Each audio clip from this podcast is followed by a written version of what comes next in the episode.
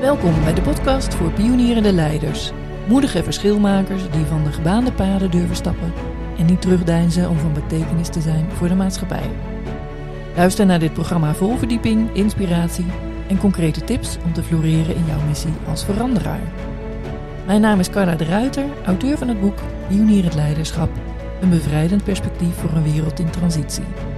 Ik begeleid pionierende leiders bij hun zoektocht naar meer positieve impact, zodat hun idealen realiteit worden.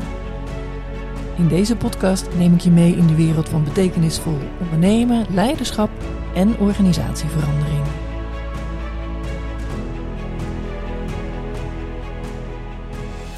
Voor deze aflevering praat ik met Greet Vonk. Greet Vonk is samen met Anja Jonkind, eigenaar van Ed Emergo, een praktijk gespecialiseerd in posttraumatische groei.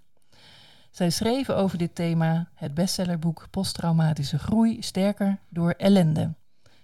Greet deed een wetenschappelijk onderzoek naar posttraumatische groei en is de host van de succesvolle podcast Cadeautje verpakt in prikkeldraad. Welkom, leuk dat je er bent, Greet. Ja, nou vind ik ook leuk. en wij kennen elkaar al een tijdje.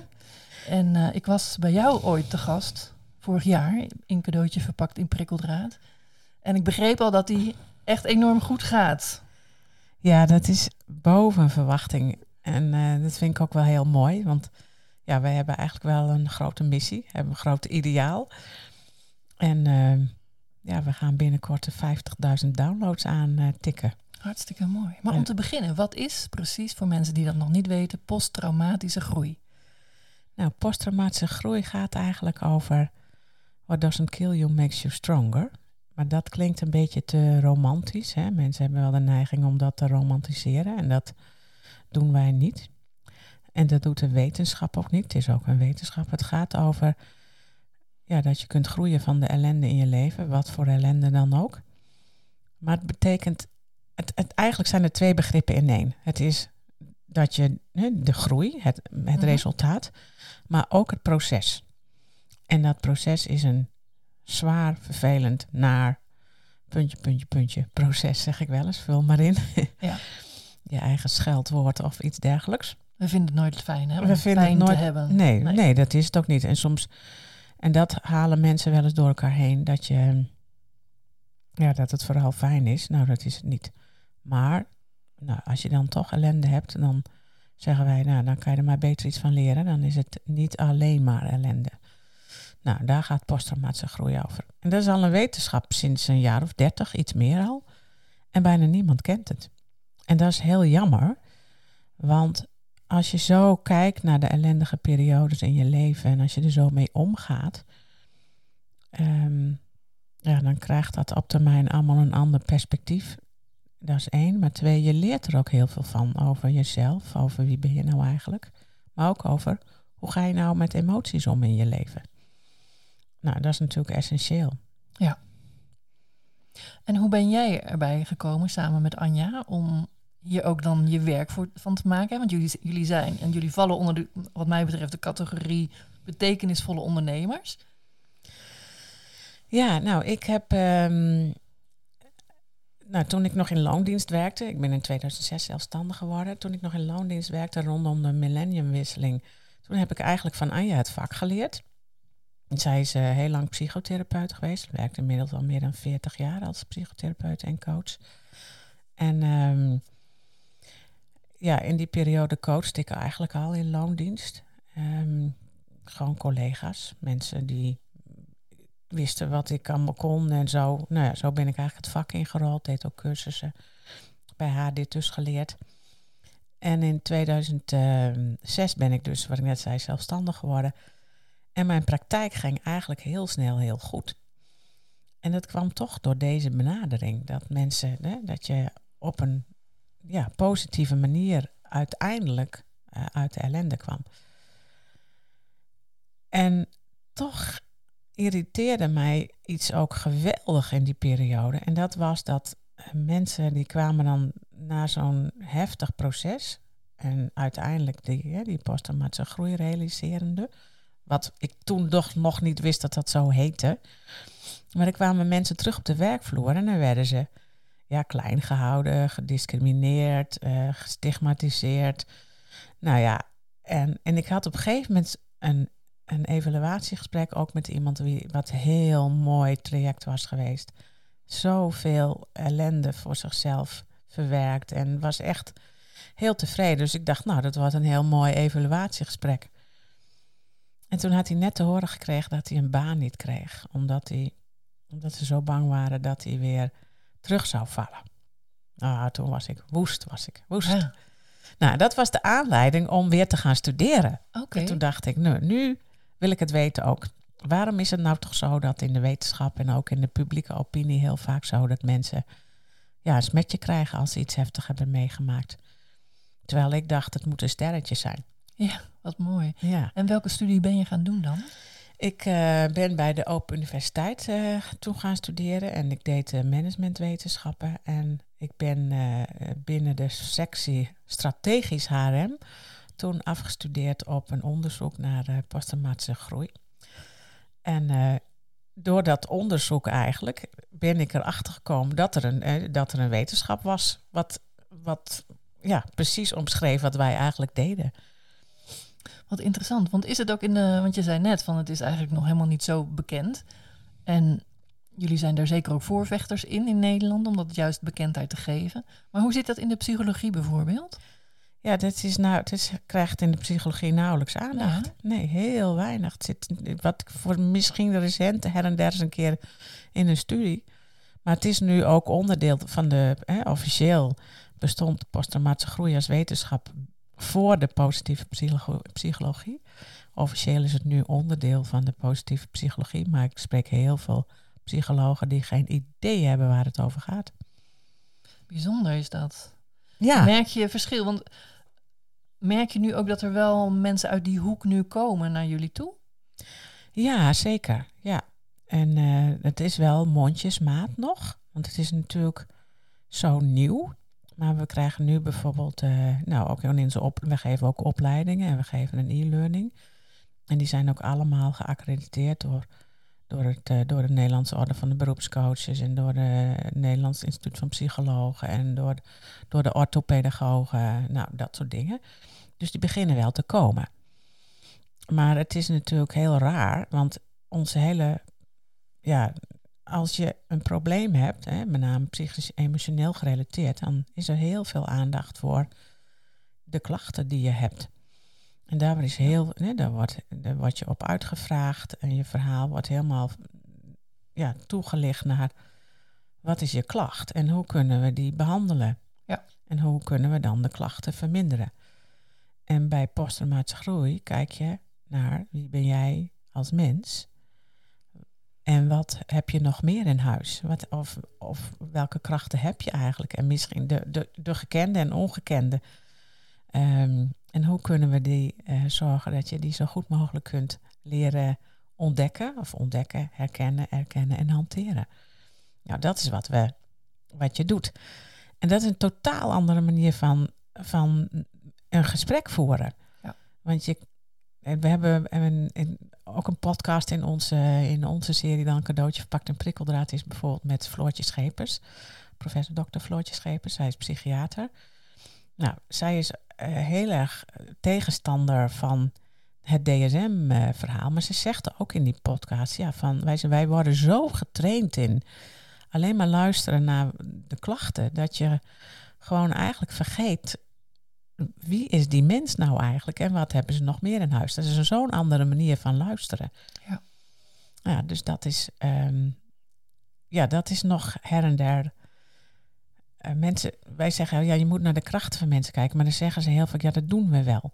Maar dat, dat, doen ze, dat doen heel veel niet echt. Nee, en heeft dat denk jij te maken met dat dat in dat systeem zit? Want waar ik aan moet denken is, mijn vorige een vorige podcast met Jeroen Zwaal, die zelf vijf keer een psychose heeft gehad en in de GGZ daarin niet geholpen werd. En wat hij nu doet, is dat hij de politie helpt om om te gaan met mensen met, met verward gedrag. En met hem sprak ik daar eigenlijk over, want hij, hij zag een beetje datzelfde fenomeen van het liefste wil je natuurlijk dat je die GGZ verandert. Hè, dat, maar hij is nog Hij is op elk vlak bezig en een heel mondjesmaat begint het nu in die GGZ een beetje hè, bekender te worden. En dat ze meer toenadering zoeken. Maar dat heeft heel lang geduurd. Ja, nee, maar dat is. ik heb ooit eens ehm, bijscholing gegeven bij het NIP. Um, dat was heel interessant, want ik had uh, mijn scriptie was toen uh, net uh, een, ook een, een publi gepubliceerd als officiële wetenschappelijke publicatie. En een van de professoren die mij begeleidde was Tinker van Vuren. En zij moest zo'n dag organiseren voor het NIP, nascholing over burn-out. Nou, er waren een aantal sprekers en zij had zoiets van, ja, jij hebt dat onderzoek gedaan ik wil dat jij dat verhaal vertelt. En ze heeft hemel en adem moeten bewegen om toestemming te uh, krijgen van het NIP, omdat ik dat mocht doen, omdat ik geen, officieel geen psycholoog ben. Zo werkt zo dat. Zo werkt dat, ja. Dus, dus um, iedereen zit vanuit zijn eigen hokje te praten en te doen dan, hè? Ja, Jammer. Dat, dat, dat, is, ja. dat is, nou ja, dat was um, dat is heel vervelend. Ja. maar goed, dat geeft niet. En in, in, in het begin had ik daar ook wel. Uh, uh, vond ik dat wel lastig dat ik geen psycholoog was. Nu denk ik, het is een groot voordeel. Omdat ik. Ja, nu kan het wel. Omdat ik echt ja. anders uh, kijk. En ehm, ja, de mensen die wij begeleiden, ook mensen die al van alles geprobeerd hebben. Ehm, ja, die zijn daar super blij mee. Ja, want wie zijn jullie klanten precies?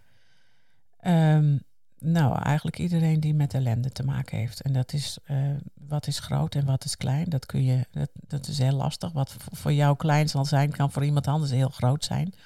Dus in die zin is het heel subjectief. Ja, het gaat om de betekenis die je eraan geeft natuurlijk. Juist. Hè? Ja. En, uh, maar goed, even om het toch iets te...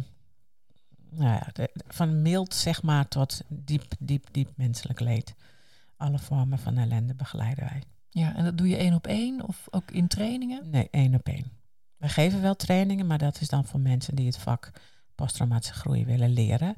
Um, en het vak is niet zozeer alleen voor psychologen of coaches, maar het kan ook managers zijn. Van, hè? Want wat je eigenlijk leert is, hoe praat je nou met mensen, met name als het moeilijk is. Ja, ja dat kun je altijd gebruiken. Ja, heel leerzaam en heel belangrijk werk wat jullie doen. Ja, nou ja, we zijn in ieder geval, we hebben een hele grote missie, zeggen we altijd. Posttraumatische groei bekender maken dan posttraumatische stressstoornis. Dat is een, ja, dat is een grote missie, enorm ambitieus. Um, maar de moeite waard. Ja. Ja. Ja. Nou, ik hoop zeker dat dat gaat lukken. Jullie hebben al een prachtig boek uit, hè? Dat bestsellerboek Posttraumatische groei sterker door ellende. Er komt een nieuwe aan. Ja, nou, we, hebben, we hebben inmiddels ook al een tweede geschreven. Dat is een, uh, een, een soort van spreukenboek. En uh, in augustus, 17 augustus om precies te zijn, komt ons derde boek uit. En dat heet net zoals onze podcast, cadeautje verpakt in prikkeldraad. En met als ondertitel van klacht naar kracht. En dan met een, woord, een woordspeling, zeg maar. Klacht is met een kleine k en kracht is met een grote k geschreven. Ja, mooi om daar de nadruk uh, op te leggen. Ja. Ja, maar daar gaat het over. Ja. Ja, en wanneer komt jullie boek uit? 17 augustus. Ah, en kunnen mensen in de voorverkoop daar al iets mee uh, doen? Jazeker, ja, ze kunnen dat op onze website en uh, bij Managementboek en bij De Optimist uh, met korting kopen. Tenminste, De Optimist die gaat het denk ik binnenkort ook online zetten. Maar op onze website sterkerdoorellende.nl en etemergo.nl. Um, en dan krijgen ze 20% korting in de voorverkoop. Nou, dat is heel mooi. Ik zal het linkje van uh, de voorverkoop even nog hieronder bij de podcast uh, invullen. Dan gaan we eens eventjes kijken naar uh, jouw pionierstest. Ja. De pionierstest. Hoe scoor jij de 21 kenmerken van een pioniersleider? Ontdek jouw leidende rol in een wereld in transitie. Want, zoals ik vind het altijd zo heel erg leuk om te kijken naar die uitslagen. Voor de luisteraars, ja, die pionierstest die komt uit mijn koker. Vanuit het boek Pionier het Leiderschap. Um, die, en die test kan je ook zelf digitaal doen. En die geeft aan in hoeverre je een pionier het leider bent. En heel veel ondernemers hebben natuurlijk heel veel pionierschap in zich zitten. Maar het geeft een, uh, ja, een mooie soort eikmoment van hé, hey, wat, wat gaat er uh, allemaal goed en wat zou nog voor verbetering vatbaar zijn. Nou, bij jou zie je natuurlijk al dat er een heleboel vaardigheden zijn die eruit schieten. En ik ben heel benieuwd naar de voorbeelden, of jij het herkent. Bijvoorbeeld zelfreflectief vermogen, die uh, gaat toch echt wel als een speer bij jou. Ja, nou ja, dat is denk ik ook wel als je in dit vak zit. En, en vooral speciaal als je in het vak zit waar het gaat over ellende, dan kom je jezelf natuurlijk goed tegen. En um, ja, ik zeg altijd, toen de ellende daarboven werd uitgedeeld, stond ik wel vooraan. en um, ja, als je jezelf tegenkomt, dan kom je jezelf ook tegen, zeg ik. En uh, ja, daar leer je heel veel van om om naar jezelf te kijken. En dat heb je natuurlijk nodig bij posttraumatische groei. Ja, dat heb je nodig bij posttraumatische groei, ja. En kan jij zeggen wanneer jij daarmee bezig ging, met sowieso met die zelfreflectie? Want het is niet iets waar je nee, als klein kind of als nee, kind nee, op school mee bezig bent. Eh, de, de grote omslag bij mij was toen ik, uh, dat denk ik, nou inmiddels 25, 30 jaar geleden, toen ik een burn-out had. Toen dacht ik, hier gaat iets niet goed. En uh, dat ging ook echt niet goed. Het heeft mij bijna anderhalf jaar gekost om weer uh, uh, volledig te gaan werken. En um, toen ben ik heel erg naar gaan kijken van wat, wat, wat heeft er nou eigenlijk voor gezorgd dat ik mezelf zo voorbij ben gegaan? Welke patronen? Ja. He, ik wist dat van mezelf dat ik een heel sterk mens was. Maar ook sterke mensen hebben grenzen. welke patronen hebben er nou voor gezorgd dat ik toen. Nou ja, en, en dat was eigenlijk uh, het begin van uh, dat ik uh, heel goed ben gaan kijken naar. Ja, wat, wat betekent dit nou eigenlijk? Dat is wel grappig, want ik, was toen, ik had toen al vier kinderen.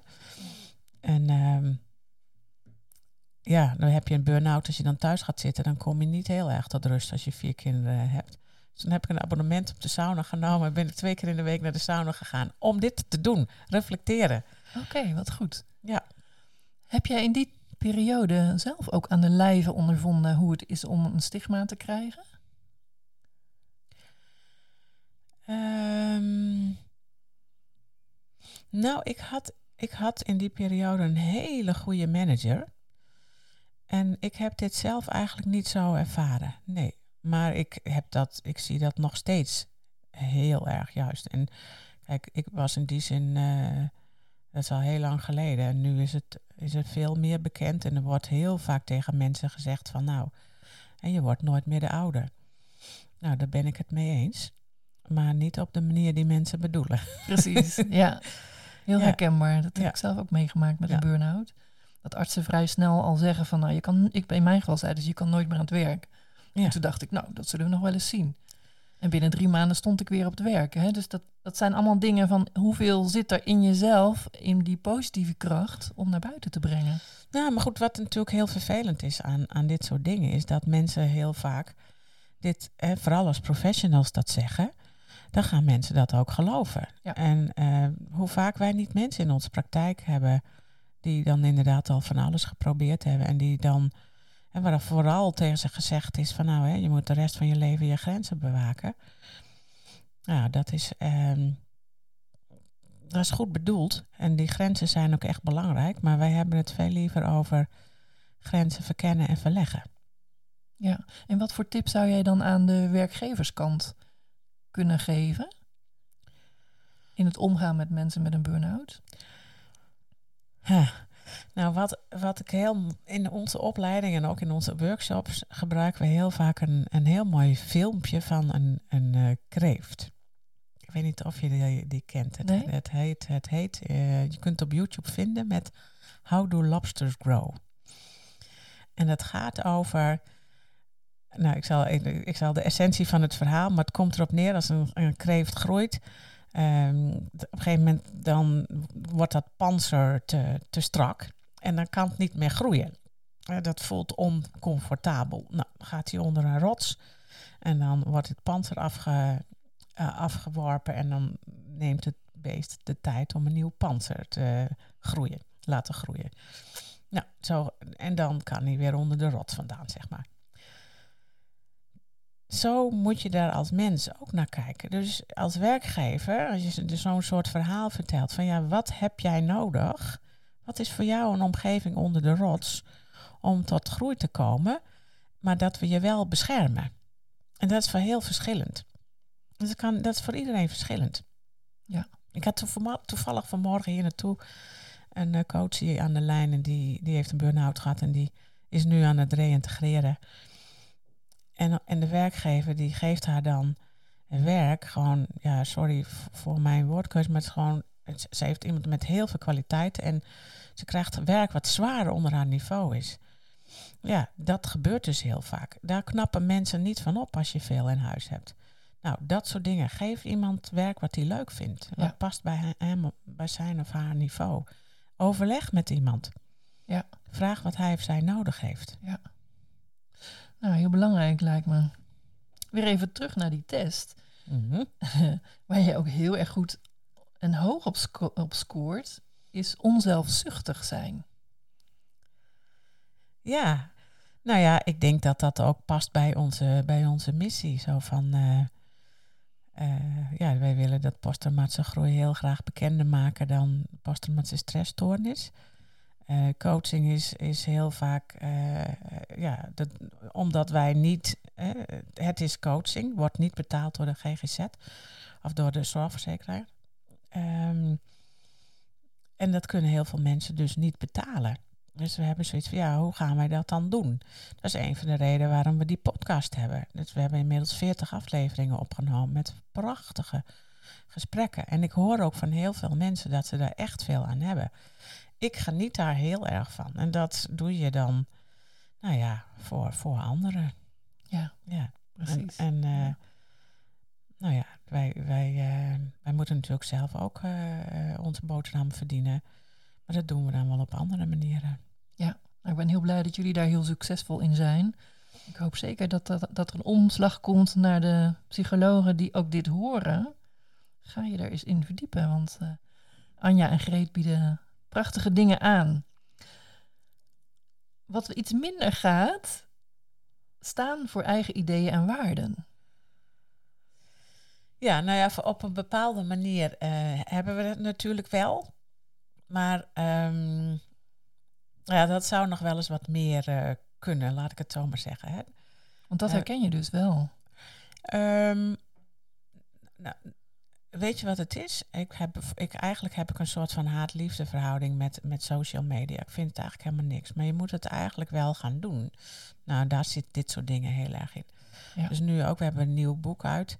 Ja, uh, ik zie mensen soms dan hè, elke, elke dag iets posten over als ze een nieuw boek hebben.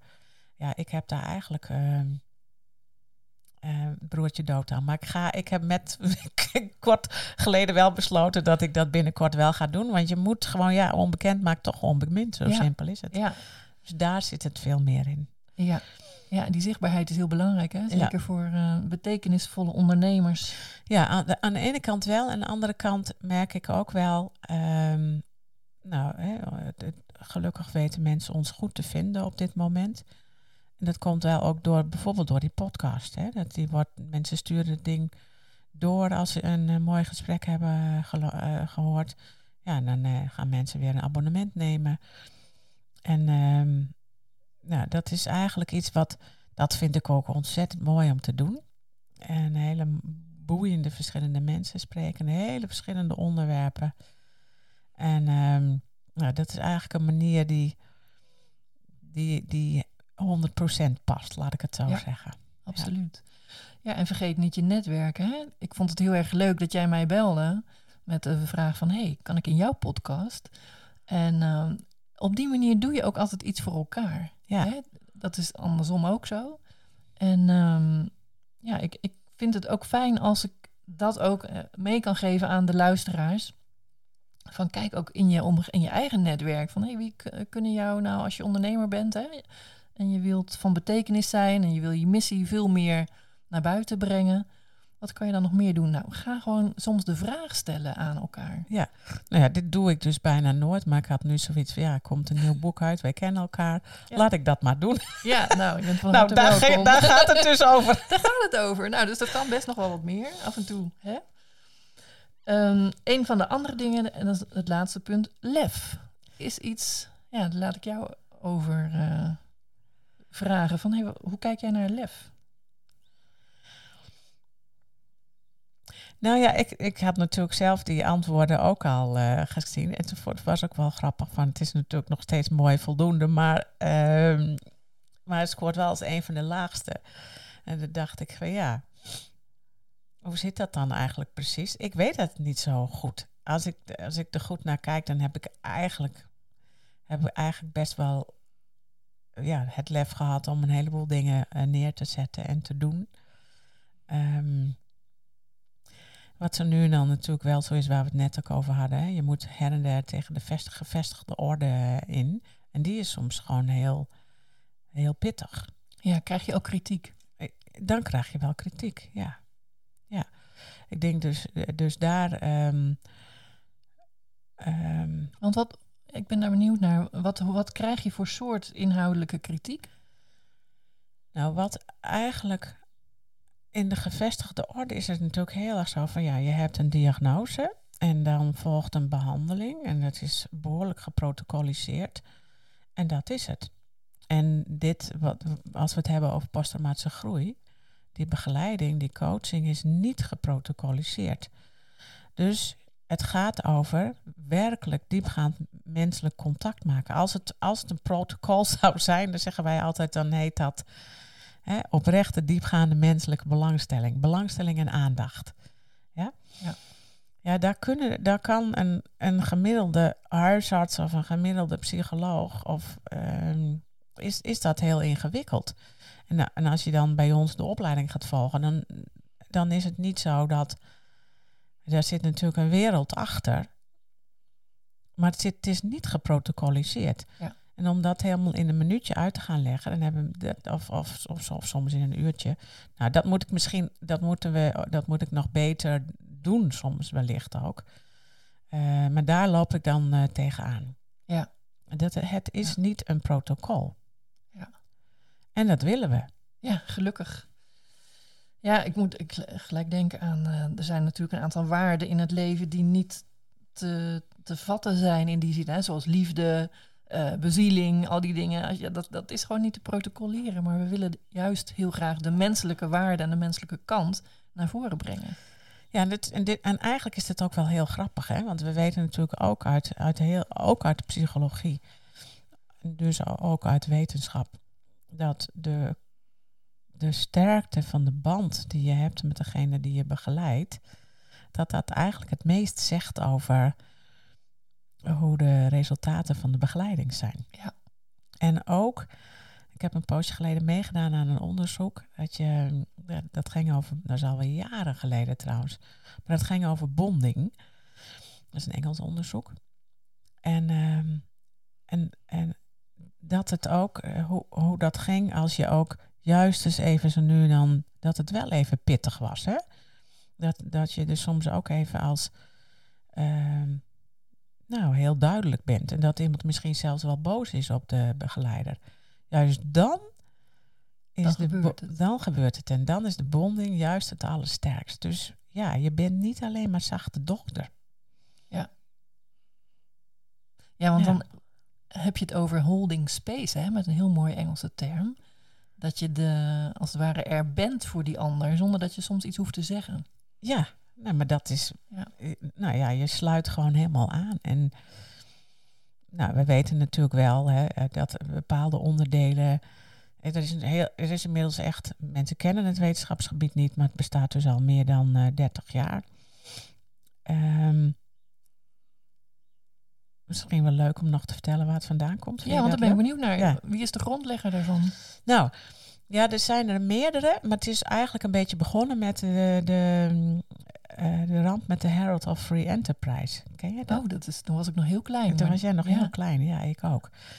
Ehm, en die, eh, dat was een schip die uitvoer uit eh Zeebrugge. België en die was onderweg naar Dover. En die had, was vergeten de laadklep eh, dicht te doen. En nou, volgens mij nog geen kilometer voor de kust, uh, ja, kapseisde dat schip. Er zijn een paar honderd mensen overleden. Maar er waren ook heel veel overlevenden. En het was heel traumatisch natuurlijk om zoiets meegemaakt te hebben. En naar die groep mensen hebben ze heel veel onderzoek gedaan. En op het laatste moment, toen de vragenlijst bijna klaar was, had één onderzoek de helderheid van geest om te vragen van, uh, en dat was op een gegeven moment na een, aantal, na een periode, van heeft, heeft deze ramp je ook iets positiefs opgeleverd? En toen bleek dat 43% van de mensen dat met ja beantwoorden. Wauw. 43 procent. Zo, dat is heel veel. En het was een grote schok voor de onderzoekers. Nou, dat is eigenlijk een beetje, een, beetje een soort van start geweest. Nou, en dan, ja, en over de hele wereld gaan er wel meerdere uh, mensen daarmee aan de slag.